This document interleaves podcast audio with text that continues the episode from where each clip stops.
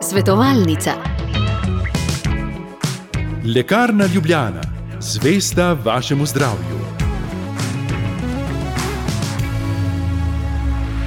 Še enkrat lepo pozdravljeni, dobro jutro v današnji aktualni svetovalnici, v kateri se bomo dotaknili posledic neuri, ki so krojila dogajanje po Sloveniji v zadnjih tednih. V svoji družbi lepo pozdravljam direktorja službe za premoženske škode zavarovalnice Triglav, gospod Uroš Metličar. Dobro dan, dobro jutro, pozdravljeni. Pozdravljeni. Polne roke dela imate zavarovalnice, v teh dneh pa tudi zdaj, ko končava odhajate na teren. Kateri škodni primeri so najpogostejši, kaj bi lahko izpostavili? Zdaj, v zadnjem obdobju, vsaj recimo slabega meseca dni, smo imeli kar nekaj dogodkov, predvsem iz naslova viharja, viharnega vetra, toča in tudi dogodkov, ki so bili nekako kombinacija obeh dveh. No. Uh, to je te stvari so prevladovale na dnevnem nivoju, tudi v enem dnevu več različnih dogodkov, recimo izpostavim 13.7., ki je iz, noč, iz noči na 12. na 13. močan veter praktično po celotni Sloveniji povzročil veliko škodo. Potem pa v popodnevu še močno toča na uh, krškem območju. Skratka, izpostavim vihar in točo. Se pravi, polomljeno drevo je škoda na objektih, na infrastrukturi, potem tak. tudi avtomobili in kmetijstvo. kmetijstvo. Tako, praktično vsa imovina, premoženje, avtomobili, ja, kmetijstvo, vse te stvari so prizadete, zelo različno od regije do regije, ampak skoraj da jaz pravim, ni kraja v Sloveniji, ki saj malo ni občutil vseh teh vremenskih neprilik, ki so se dogajale v zadnjem mesecu dni. Ja, zdaj bo seveda sledila obnova, sanacija in tudi prijave škode se vrstijo. Zato zdaj le konkretno k tem vprašanjem, če imate svoje spoštovani poslušalci, pa pokličite na nič 1 512 10 nič nič. E, morda najprej to osnovno vprašanje, koliko časa imamo za prijavo škode? Zdaj, uh, Kar se tiče same prijave, uh, sicer zavarovalne pogodbe predvidevajo tri dni od dneva, ko je škoda nastala za prijavo, ampak ob takšnih uh, situacijah, kot so sedaj, ki smo jim priča sedaj uh, na tem mestu, uh, zgolj informacija, da ne rabijo uh, naši zavarovanci hiteti z prijavami, uh, te prijave spremljamo. Um, Vedno svetujemo najprej, naj zavarujejo sami, sami sami sebe, uh mhm. -huh. se pravi svoje življenje, ko je varno, tudi imovino, če je nastala škoda, da se naredi hitra sanacija, da se preprečuje nadaljna škoda, se poslika, kaj se je zgodilo. In uh, potem se, zgodi, se, se naj naredi prijava. Ja, torej, to je pomembno fotografiranje, da nima objektov, nastale škode. Tako. Mogoče, če vem, odletijo kakšni strešniki, se uh, kakšen odlomljen strešnik spravi, ki je na strani uh, do obiska cenilca, drugače pa ja. Najprej zavarujemo sebe, potem, ko je varno imovino, potem začnemo s tistimi kritičnimi sanacijami, da preprečimo nadaljno škodo, in potem uh, prijavimo škodo zavarovalnici. Na kakšen način? Zdaj, uh, možnosti ima posameznik več. Ena izmed možnosti je recimo uh, digitalna prijava preko vem, uh, spletne strani, preko naše aplikacije iTriglav. Um, možna je tudi prijava preko telefonske številke nič 8 nič 555 555 ali pa najbolj preprosto lahko stranke pokličejo svojega zastopnika uh, in ta bo poskrbel za vse, da se bo uh, škoda ustrezno prijavila, se zglasil do stranke in pomagal pri prijavi. Skratka, res kanalov, eh, ki jih eh, strankam omogočimo, imamo zelo veliko, vsaka stranka si pa lahko izbere tistega, ki je. Najenostavnejši. Njej bližje, ne, torej mlajši, verjetno preko digitalnih uh, storitev, ki ste jih omenili, starejši pa telefon. Koliko pa so zdaj te telefonske linije zasedene? Ja, telefonske linije so praktično vse čas zelo vroče. Um, zato tukaj ravno ta uh, večkanalnost pri prijavi škod uh, zelo koristi. Uh, ogromno tudi pomagajo naši zastopniki na terenu, ki jih imamo praktično po celi Sloveniji, se odzovejo na klice strank, pridejo k strankam domov, uh, so opremljeni vsem potrebnim, da tudi te škode lahko prijavijo v njihovem imenu, uh, poslikajo, zabeležijo obseg škode in na ta način potem, uh, se potem škode predajo naprej v reševanje. Morda na tem mestu, no, če smem. Uh, zelo pomembno je tudi pri same, sami prijavi. Ne? Bolj kvalitetna kot je prijava, boljša kot je prijava, več kot je slik, boljši kot je opis poškodb, uh, hitreje, enostavneje se škode rešujejo. V določenih primerjih, sploh sedaj, ko je teh škod res ogromno in so razpršene praktično po moču celotne Slovenije, z dobrim opisom, z dobrimi slikami, uh, se da veliko škod rešiti tudi nadaljavo. No. Aha, torej tudi brez obiska. Brez obiska cenilca, seveda, če je to mogoče, uh, se da veliko krat uh, škode res zelo hitro in enostavno rešiti. Uh, in ja, tukaj je ta kvaliteta prijave zelo pomembna. No. Uh mhm. -huh. Torej, tistim, ki uh, so doma, uh, ki so domači z, z, z sloni, tipkovnicami, digitalnimi Tako. potmi kanali, Tako, oziroma, če niso, se pravi, lahko se ja. tudi obrne na predstavnike zavarovalnice in potem se te stvari tudi s pomočjo njih uredijo.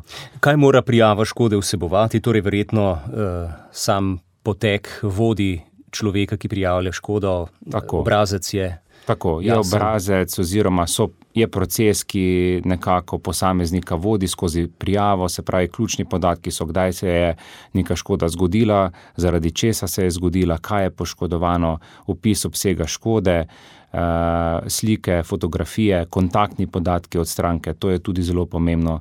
Uh, potem pa seveda tudi transakcijski račun, kamor se lahko zavarovalnina posameznikom uh, nakaže uh mhm. -huh. za sanacijo te škode.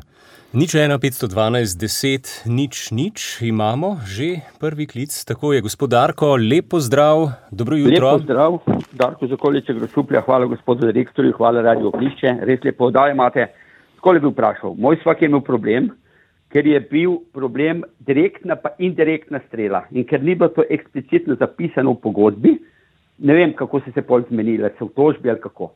To je prva zadeva, druga zadeva, recimo, jaz sem zdaj sončno sem napeljal preko uh mhm. -huh. genija, na obroki sicer, ampak imam streho staro 40 let.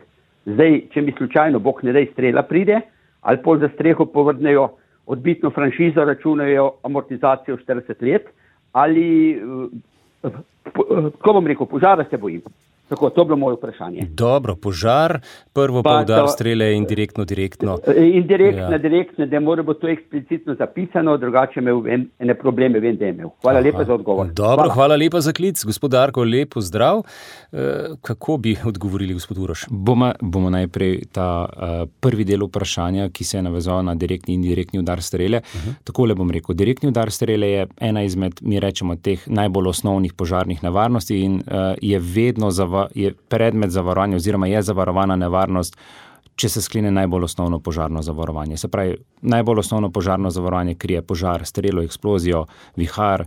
Uh, Padec letala, manifestacije in demonstracije, in udarec vozila. Tako da strela je ena izmed njih in to je direktno udar strele. Direktno udar strele, v direktnem udaru strele govorimo takrat, kadar strela neposredno udari v zavarovan objekt, se pravi, svojo rušilno in toplotno močjo povzroči neko škodo na zavarovanem objektu. Indirektni udar strele eh, je pa nevarnost, ki se jo mora zavarovati posebej, se pravi, se jo razširi, ni predmet tega osnovnega kritja eh, in je seveda odvisno od zavarovalne pogodbe. Ali se ta razširitev vključi v zavarovanje, ali se ne vključi. Uh -huh. Vključuje pa potem vse, kar prinese ta indirektni. Tako, udar. recimo, ne vem, ponavadi te, ti indirektni udari strele imajo vpliv nekje v radiusu 500 metrov od objekta. Um, se pravi, če strela udari v radiusu 500 metrov okolici objekta in se potem po električni napaljavi ta napetost širi in povzroči neko škodo na objektu, da ne vem, se prije do okvare, po domače povedano, se skuri, ne vem, kakšen uh mhm. -huh. televizor. Uh mhm. -huh. Električne naprave. Ne? Tako. tako. Uh, drugi del vprašanja je bil ja. pa vezan na sončno elektrarno. Tako. Uh, in na streho. Zdaj, uh, morda najprej streha, gospod je omenil, uh, gospodarko, če se prav spomnim, je omenil 40 let staro streho. Um, kako se bo obračunala škoda, uh, odgovor je odvisno, na kakšen način je sklenjeno zavarovanje. Se pravi, če je objekt zavarovan na novo vrednost, bo takšna streha krita kot praktično menjava z novo kritino. Če pa je zavarovanje sklenjeno na dejansko vrednost, se bo pa v tem primeru pri strehi obračunala amortizacija. Zdaj, višina amortizacije strehe stare 40 let je seveda odvisna tudi od tipa kritine, ki se na tej strehi nahaja, in na podlagi vseh teh faktorjev uh, se potem nekako izračuna uh, zavarovalnina, ki ustreza dejanski vrednosti. Se pravi, nova vrednost z odbito amortizacijo teh 40 let. No, ker je omenil tudi sončno elektrarno, kaj pa v tem primeru, recimo, da sunek vetra odpihne ta panel, poškoduje tudi morda streho.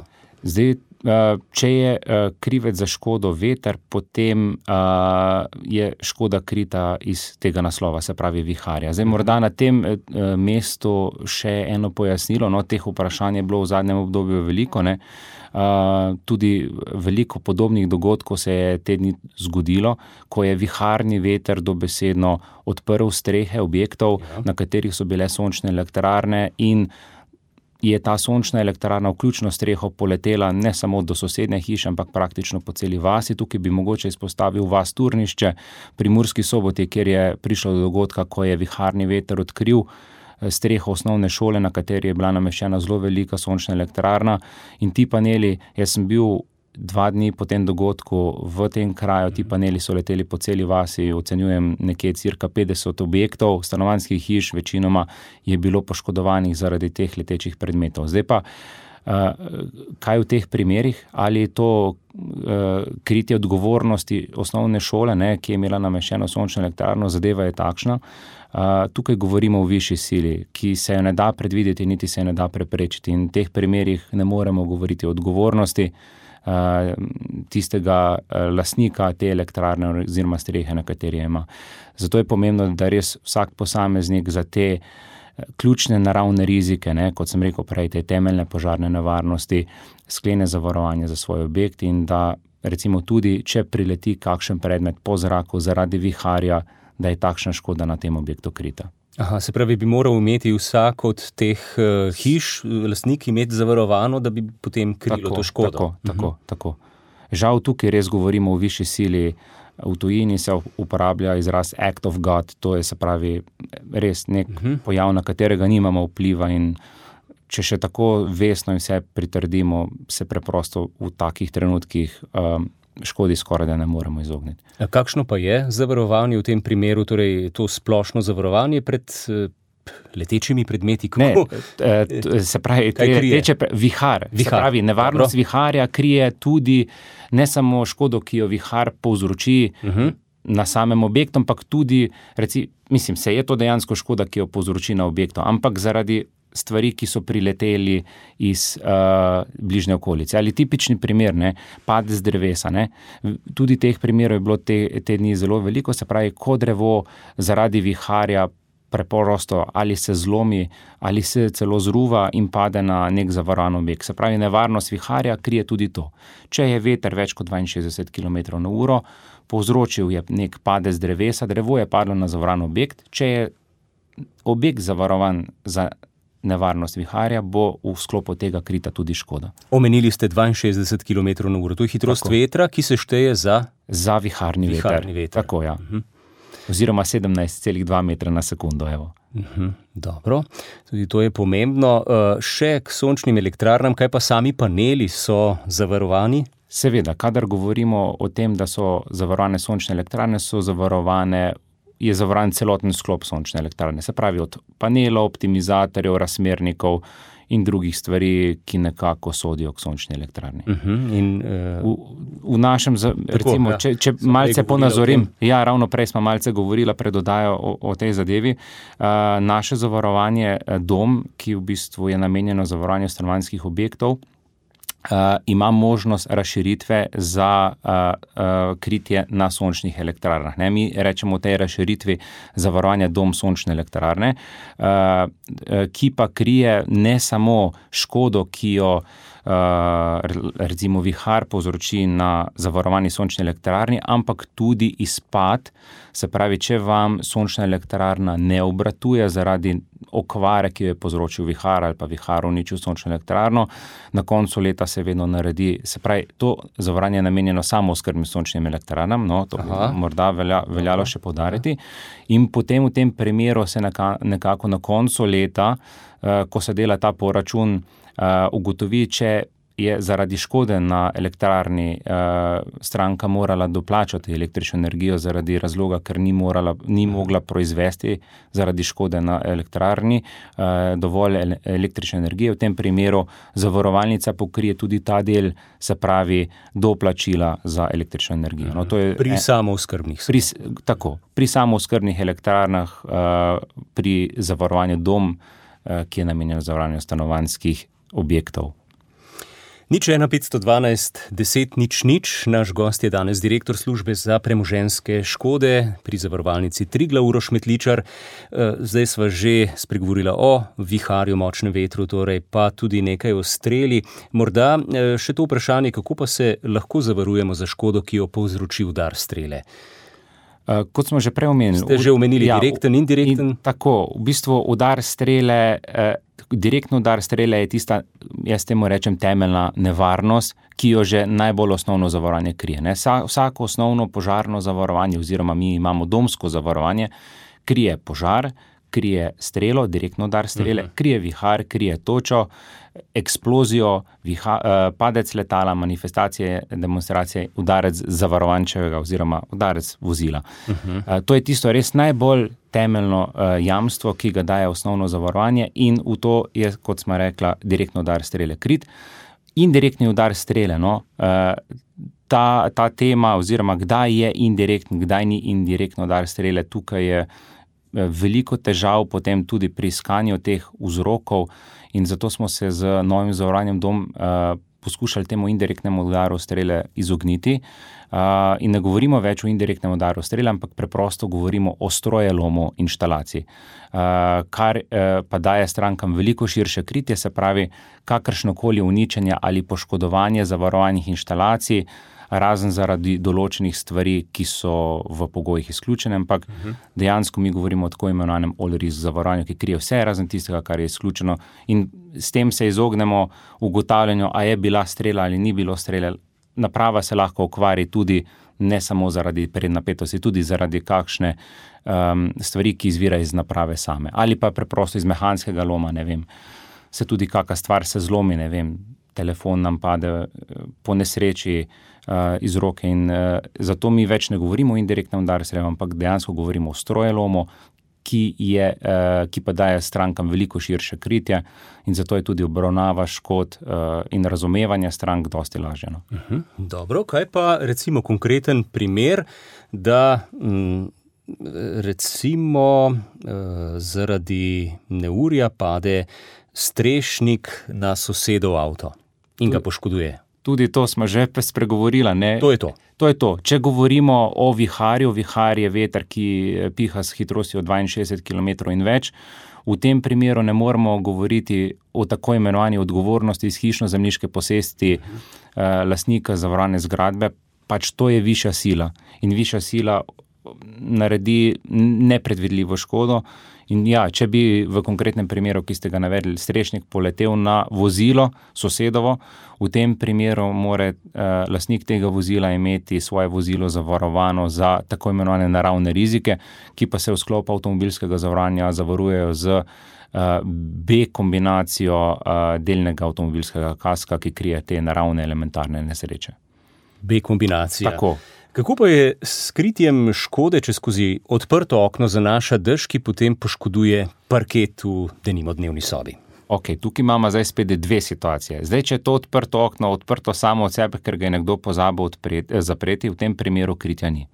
Če pa uh, je odprto okno kot posledica, recimo viharja, ki je ali toča, ki je razbila okno, ali viharja, ki je prenesel, prej smo govorili o panelih, uh mhm. -huh. panel v to okno in ga razbil, in pride potem do zanašanja uh, dežja v, v prostore, potem je krita pa tudi vsa škoda, ki nastane v teh prostorih. No.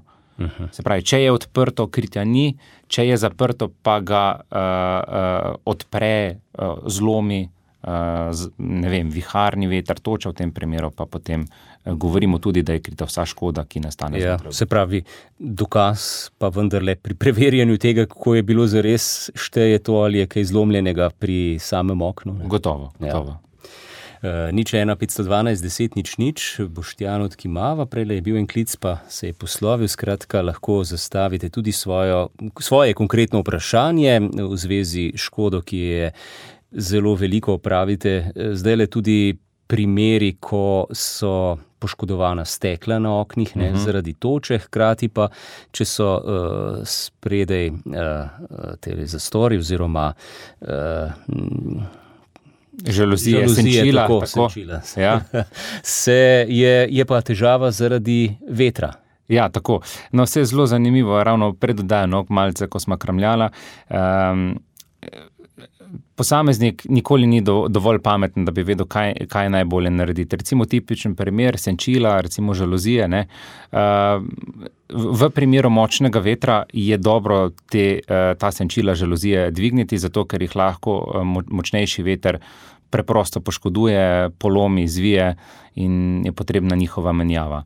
V primeru toče je pa morda uh, smiselno razmisliti, ali vseeno te žalozije spustiti dol vedajoč, da bodo poškodovane, vendar s tem se izognemo pa škodam na stavbnem pohištvu, recimo na samem steklu stavbnega pohištva ali na, na okvirjih, okolju, uh, kar je pa veliko teže za menjavo, kot pa dejansko sa, samo senčilo. In tako. dražje, ne? In dražje, absolutno uh mhm. -huh. dražje. Tudi gradbeni poseg, ponovadi, spok, če so okvirji poškodovani, gradbeni poseg mnogo večji za, za menjavo takšnega stavbnega pohištva. Ne? Zdaj na terenu se pa vsaj te dni srečujemo z mnogo primeri, ko jim govorimo pa v kombinaciji viharnega vetra in toče. Zdaj pa kaj narediti? Ne, ne vem, tudi težko sam ne vem. Težko je, recimo, sam živim v ulici, nekaj sosedov je spustilo žalozije. Nekateri smo jih dvignili, k sreči ni bila tako močna toča, da bi uh, polomila nam stekla ali pa poškodovala stavno pohištvo kot tako. So pa vse žalozije, ki so bile dol, potrebne menjave potrgane. Ne, dejansko niso bile potrgane Aha. zaradi vetra, ampak poškodovane od toče. Se pravi, Aha. govorimo, kako naj rečem, nakluvane ja. eh, zaradi udarcev. Lahko predstavljamo, žal, teh uh, slik in podob je zdaj le. Tega je res veliko. Ja. Uh, tudi avtomobili, kako je z zavarovanjem? Ja, zdaj. Toča avto. Ja, hočem, mislim, želel bi reči, veli, veliko avtomobilov ima sklenjeno tako, uh, kot smo prej govorili, to kombinacijo B, uh, uh -huh. delnega avtomobilskega kaska, ki krije te naravne elementarne nesreče. Uh, morda na tem mestu velja poudariti razliko od premoženske škode, pa škode na vozilu zaradi toče, ne? ali vih, predvsem zaradi toče. Pri premoženskih škodah, škodah na objektih uh, naših strank, svetujemo, seveda, prvo zavarujte svoje življenje, evidentirajte škodo, naredite hitre sanacije, če lahko škoda povzroči še nadaljno škodo, in potem dobro to dokumentirajte, zapišite obseg, čim bolj natančno naredite prijavo. Pri vozilih je pa zgodba malce drugačna. Tam pa spodbujamo tako imenovano hitro prijavo, uh, kjer uh, stranke uh, nekako na spletu uh, navižemo na to, da dajo samo tiste ključne podatke, se pravi, kdaj je škoda nastala, kje je škoda nastala, registerska oznaka vozila, pa mislim, da še ime in priimek zavarovanca. Torej, čim prej. Čim prej, oziroma ni, ni, ni, ni pomembno so hitrosti, ampak samo da se naredi tako imenovana hitra, Aha. enostavna prijava, potem pa naše službe v ozadju naredijo sezname teh strank, stranke kličajo in jih naročajo na posebne preglede uh, v tako imenovani svetlobni tunel. Namreč, če se stranka pripelje s poškodovanim avtomobilom zaradi toče, ne vem, na naše predstavništvo, žal zaradi uh, specifike ugotavljanja škode, se ne more škode natančno posneti. Se pravi, pri toči res rabimo imeti tako imenovan svetlobni tunel, ko avto zapeljemo po take močne luči, uh, kjer se vidi čisto vsaka udrtina, vsaka nepravilnost eh, na pločevini vozila in se te vse jasno evidentira in potem da v popravilo. Se pravi, uh mhm, -huh. Mhm. hitra prijava, potem naša zavarovalnica pripravi seznam in stranke pokličajo in jih naroči na termine obiskov eh, v tako imenovane svetlobne tunele, ki so nekako z mobilnimi cenilnimi enotami razpršeni po celotni Sloveniji. Predvsem pa v krajih, kjer je največ škodeno. Zdaj gremo spet k telefonom. Gospa Irena je z nami. Dobro jutro, dober dan. Pozdravljeni. Uh, dober dan. Uh, Irena tukaj. Uh, jaz sem prej slišala, da imate zavarovan tole stroje lom. Ja? Mi imamo to zavarovanje in zdaj me zanima, gospod omenil, če, mo, uh, če telefon pade na tla. To se pravi, če meni, da ima mobitel na tla pade, pa se razbije to zavarovano. Smem odgovoriti? Izvolite. Ja, um, lepo zdrav. Uh, zadeva je takšna. Seveda, v okviru zavarovanja, strojlomno zavarovanje je razširitev. Uh, govorim za našo domsko zavarovanje. Uh, v domskem zavarovanju vsaka stranka lahko izbere med tremi vrstami strojloma. Prvo je strojlom inštalacij, se pravi, to so vse inštalacije, ki so tako ali drugače sestavni del same zavarovane stanovanske zgradbe. Potem drugič je strojlom stacionarnih naprav. Tukaj govorimo o napravah, kot so hladilnik, pečica, štedilnik, televizor. Uh, pomivalni stroj, pralni stroj, sušilni stroj, skratka, naprave, ki so na miru, vedno v objektu. In potem ta, tret, ta, tretji, ta tretji del strojloma je pa strojlom prenosnih naprav, kamor sodijo tudi mobilni telefoni. Uh, ja, tako je. Pri mobilnih telefonih velja, seveda, da vsaki škodi, uh, uh, potem tudi če je recimo nek mehanski lom, kot je recimo padec telefona, je ta zadeva krita, seveda z določenimi omejitvami. Ena izmed takih je definitivno starost telefona, kriti so telefoni do 4 let starosti. Druga omejitev je, da je vedno pri tovrstnih škodah neka nekšna franšiza, se pravi, so udeležba zavarovanca pri škodi, načeloma je ta višine 100 oziroma zdaj 150 evrov. Um, in če, če je, pa, je pa spet tako, ne. Dajemo pa našim uh, zavarovancem tudi možnost, da, vkolikor pride do poškodbe uh, zavarovanega telefona, se ta telefon lahko popravlja preko naših pogodbenih izvajalcev, če je seveda popravilo možno, če je totalna škoda, se vedno izplača dejanska vrednost, se pravi vrednost telefona na dan, ko je škoda nastala, z odbitkom franšize, se pravi te sodeležbe. Uh, če je pa delna škoda, recimo, da je počil ekran in da je bolj smotrno popravilo, kot da, pravi, da še ne govorimo o neki ekonomski totalki, v tem primeru pa uh, se lahko popravilo izvede direktno preko naših uh, pogodbenih izvajalcev. V tem primeru stranka preprosto telefon prepusti našemu pogodbenemu izvajalcu in potem i ta vrne popravljen telefon. Skratka, ne dobi izplačene zavarovalnine, uh -huh. sodeležba se nikjer upošteva, se pravi, okvarjen telefon se zamenja z, uh, oziroma se popravi in stranki zagotovi popravljen telefon. Pri delnih škodah, uh -huh. še enkrat. Totalna škoda je pa vedno. Je pa nekaj drugega. Je pa vrednost na dan, ko je telefon poš, prišlo do poškodbe na telefonu, z odbitkom eh, te soudeležbe. Uh -huh. Gospa Irina, hvala, hvala ja, lepa hvala za vaš lepa. klic in srečno. E, takole imamo ja, še en klic, gospod Jože, dobro jutro, ja. dober dan. Ja, dober dan, lepo zdrav. Eno vprašanje imam. Uh Mhm, -huh, Imeli smo močno točo in imam hišo kar dobro zavarovano v vseh, v vseh teh pogojih. Uh -huh. Me zdaj nekaj zanima imam bakrene žlebove, bakrene eh, žluhte in, in obrobe. Zdaj pa je ena druga stvar. Je, ko je cenilec prišel, je rekel, da zamenjava ni možna, da se plača odškodnina. Zdaj bom pa nekaj drugega vprašal. Jaz sem zdaj dobil odškodnino. Naslednji rundi bo prišla nova toča in bo še dodatno poškodovano. Kak je zdaj v teh stvarih? Torej se pravi, na koncu lahko imamo že vse skupaj zelo poškodovano in tako je z temi odškodninami, ki lahko nastanejo ene za drugim. Ja, kot se neurja pojavljajo zdaj eno tako, za drugim. Ja. Smo imeli dvakrat, enkrat mi je zelo stoklo, pol drugič, eh, eh, oziroma pardon, zdaj, zdaj drugič je nekaj manj, tretjič eh, mi je samo avto stoklo, pa uh -huh. Eh, ker sem bil nekje drugot, ampak zdaj me zanima, kaj je z temi odškodninami, pa kaj je z zamenjavo. Dobro, hvala lepa, gospod Jože. Uh, zdaj v teh situacijah je zadeva sledeča. Uh, v, recimo v primeru, kot ga je uh, navedel poslušalec, uh -huh. m, strankam ponavadi ponujemo dve možnosti. Se pravi, uh, ti žlebovi, in obrobe, so še v svoji funkciji, se pravi, svojo funkcijo upravljajo, vendar so poškodovana, natočena.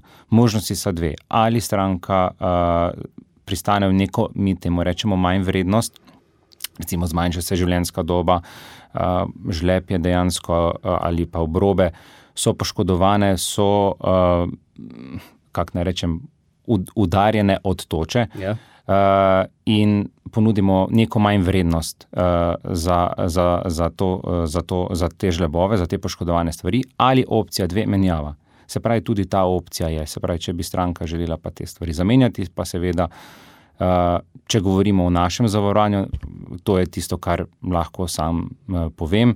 Se pravi, v zavarovalnici Trigla, v domskem zavarovanju lahko stranka tudi te stvari eh, zamenja. In v primeru, da pride novo neurje?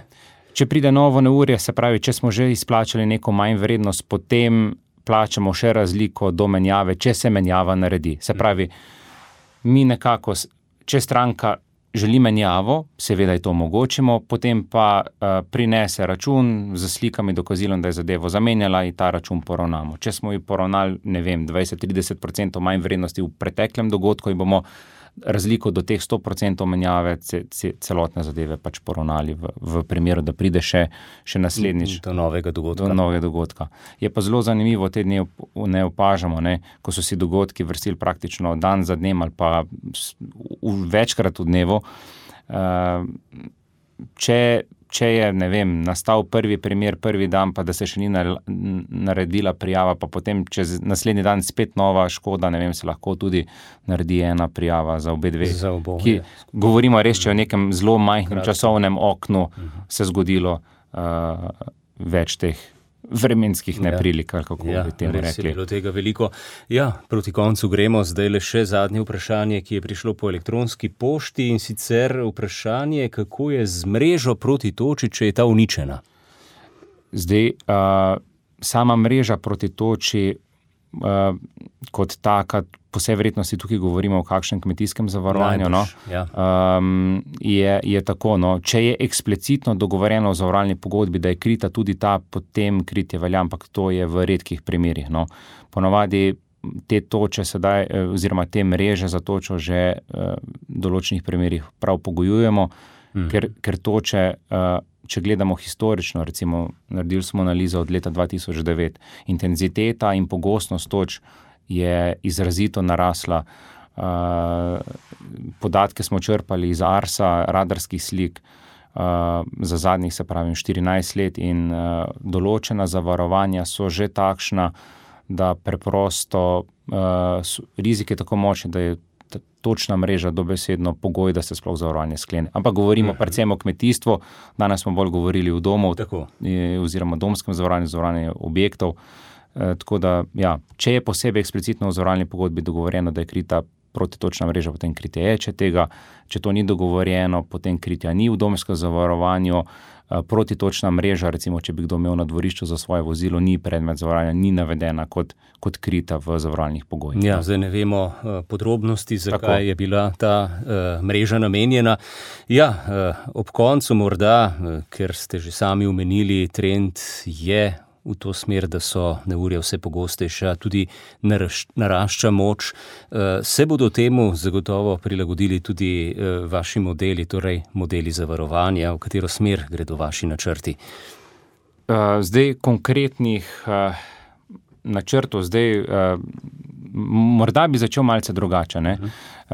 V določenih predeljih Združenih držav Amerike je že prišlo do situacije, ko recimo vihara ali toča ni več zavarovan dogodek. Zakaj? Ker to pač osnovno načelo zavarovanja je, da se zavaruje nek nepričakovan, nenaden in od zavarovančeve volje neodvisen dogodek. In uh, v Združenih državah že ugotavljajo, da to več niso nenadni, nepričakovani dogodki, ampak dejansko, da so to dogodki, ki so očitno postali stalnica, žal, stalnica našega življenja. Uh, govorimo predvsem ne, uh, v določenih predeljih, ki so izredno izpostavljeni poplavi. Se pravi, uh, poplava na določenih širših območjih sploh. Uh, Je ni možno več zavarovati. Zdaj v Sloveniji takih trendov zaenkrat še ne opažamo, ampak eh, kot sem pa omenil, je pa po naših analizah, tudi po podatkih o, o številu škod, višini škod, intenziteti škod, razpršenosti škod, opaziti skozi zadnje desetletje uh, trend uh, rasti tovrstnih dogodkov. Uh, toče vihari nekako bi rekel, da konstantno uh, ti dogodki rastejo, kakšno leto več, kakšno leto manj, ampak trend je očiten. Recimo poplave so tudi rastejo, ampak je spet zelo odvisno, je, je, je, je bolj, kako naj rečem, ni tako linearno, uh, linearen porast, ampak so obdobja. Ne? Mhm. Tako, nekaj let močnejših poplav, pa potem nekaj let morda malce zatiše, pa potem spet huje. Ampak ja, ko govorimo pa viharju, pa točah, pa lahko rečemo, da je ta porast očiten. Morda še ta podatek kot zanimivost. Letos do tega trenutka beležimo iz teh naslovov praktično tretjino več kot v celem obdobju lani. Pa že lansko leto je bilo eno izmed najslabših v zadnjih desetih letih, mislim, četrta najslabša. Ja, zgovorni podatki. Ja. Eh, zdaj, seveda, vam in vsem, ki opravljate tole delo zdaj na terenu, tudi je čas dopustov. Eh, želim, da tole čim prej mine, predvsem, da se ne ponovijo ti dogodki. Ne? Uh, morda še enkrat zato tudi eh, beseda o tem, da, ma, da včasih prav pride nekaj potrpežljivosti, ne pridejo vsi takoj na vrsto, verjetno se ne da vsega obravnavati tako hitro, kot če bi bil samo en tak primer. Ne? Tako. Se tukaj je res uh, mogoče en apel vsem poslušalcem, zavarovancem. Uh, jaz garantiram, da imamo na terenu vse možne in razpoložljive ljudi. Um, po, dobili smo pomoč vsi, tudi drugih sodelavcev znotraj zavarovalnice, ki nam pomagajo, ampak ja, preprosto teh primerov je tako veliko, da ni mogoče vseh hkrati in takoj uh, rešiti. Uh, vse bomo uredili. Uh, vse bo v redu, noben ga ne rabi skrbeti. Definitivno tiste najbolj izpostavljene rešimo prioritetno. Ljudi, ki so ostali brez strehe nad glavo, ki jim teče v hiše, te zadeve se obravnavajo prioritetno. Uh, bo pa tudi vsak, uh, osta, vsak posameznik, ki je imel škodo, bo, bo prišel slej ali prej na vrsto in se bo njegova zadeva rešila. Gospod Uroš Medličar, hvala lepa za Tako. pojasnila in vaše sodelovanje in vse dobro. Hvala lepa, lepo zdrav. Svetovalnica. LL Viva, specializirana prodajalna z medicinskimi pripomočki. en el Viva.